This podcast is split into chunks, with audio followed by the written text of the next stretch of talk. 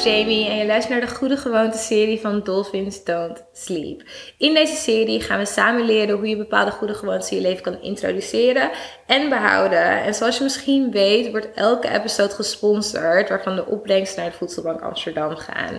sponsor van vandaag is Rainbows. Bij Rainbows in de pijp eet je plantaardig, zonder geraffineerde suikers, geen kleurstoffen, dus alleen de goodness blijft over. Dat is ook een beetje waar we het vandaag over gaan hebben. Ik wil het namelijk hebben over koken en goed eten. Ik weet niet, hopelijk heb je een moeder of een oma gehad die als je je niet lekker voelde, een soepje voor je maakte en dat je jezelf dan ook direct echt opgeknapter voelde.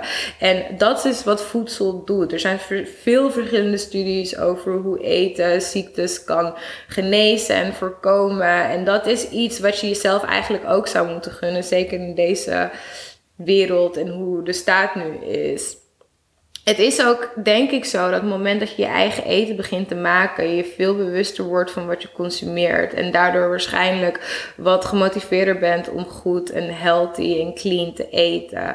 We gaan het niet hebben over diëten.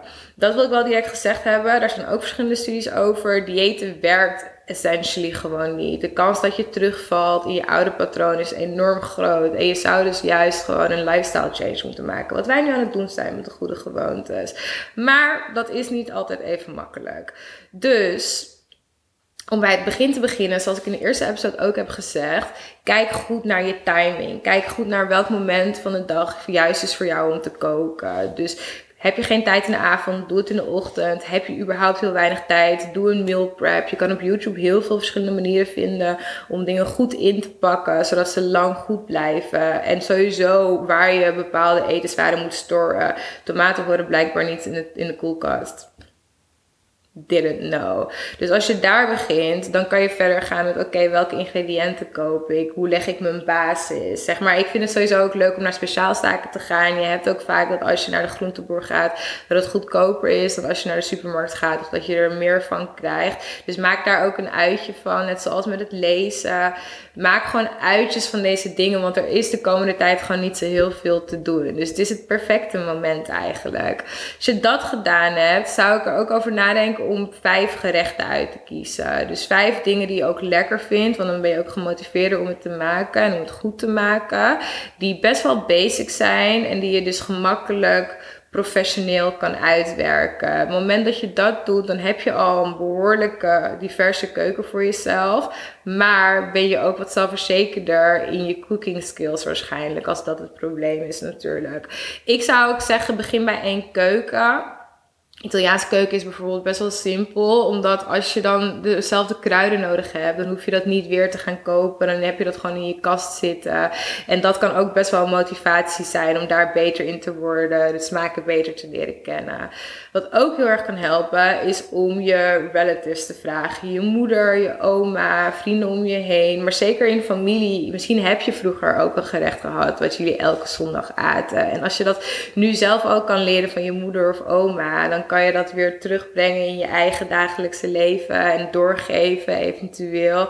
Ik heb ooit een near panic attack gehad in de Aziatische groothandel. En ik belde toen mijn moeder op van oké, wat stop ik in een salto? Want ik heb op internet wel een beetje gekeken, maar I don't get it. En dat zijn ook mooie momenten om te banden. Het kan, kan nu zeker zo zijn dat je niet daadwerkelijk het eten samen kan maken. Maar als je die mogelijkheid ook hebt, dan is dat best wel fijn. Een fijne manier om te banden en te leren om gerechten echt op de juiste manier als familierecept klaar te maken. Wat ook heel erg fijn is, voor mij geweest in ieder geval, is om voor anderen te koken. Want het is natuurlijk een, veel leuker om feedback te krijgen en om andere mensen blij te maken met je eten dan als je alleen moet eten. Dus ik deed elke zondag bij mij thuis dat vrienden langskwamen en dat ik dan een ander gerecht maakte. En dat was ongelooflijk leuk. En die gerechten maak ik nog steeds. Om de feedback die ik heb gehad en ook omdat mijn relatie naar het koken compleet is veranderd door al die keren dat ik zulke grote potten heb gemaakt ik ben ook gewoon blij dat ik nu minder voor mezelf kan koken. Dus dat is ook een beetje de schakel die geswitcht is.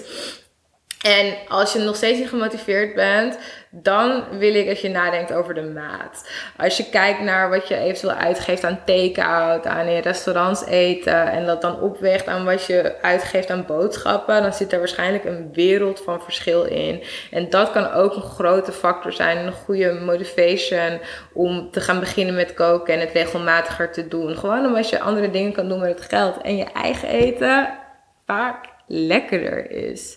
Dus ik hoop dat je hier iets aan hebt gehad. Ik zou zeggen, deel lekker recepten met elkaar. Mocht je nog tips hebben, laat het weten. Laat het achter. En mocht je een donatie willen doen aan de Voedselbank Amsterdam, laat ik de link in de bio. Als je vragen hebt voor mij, weet je me altijd te vinden.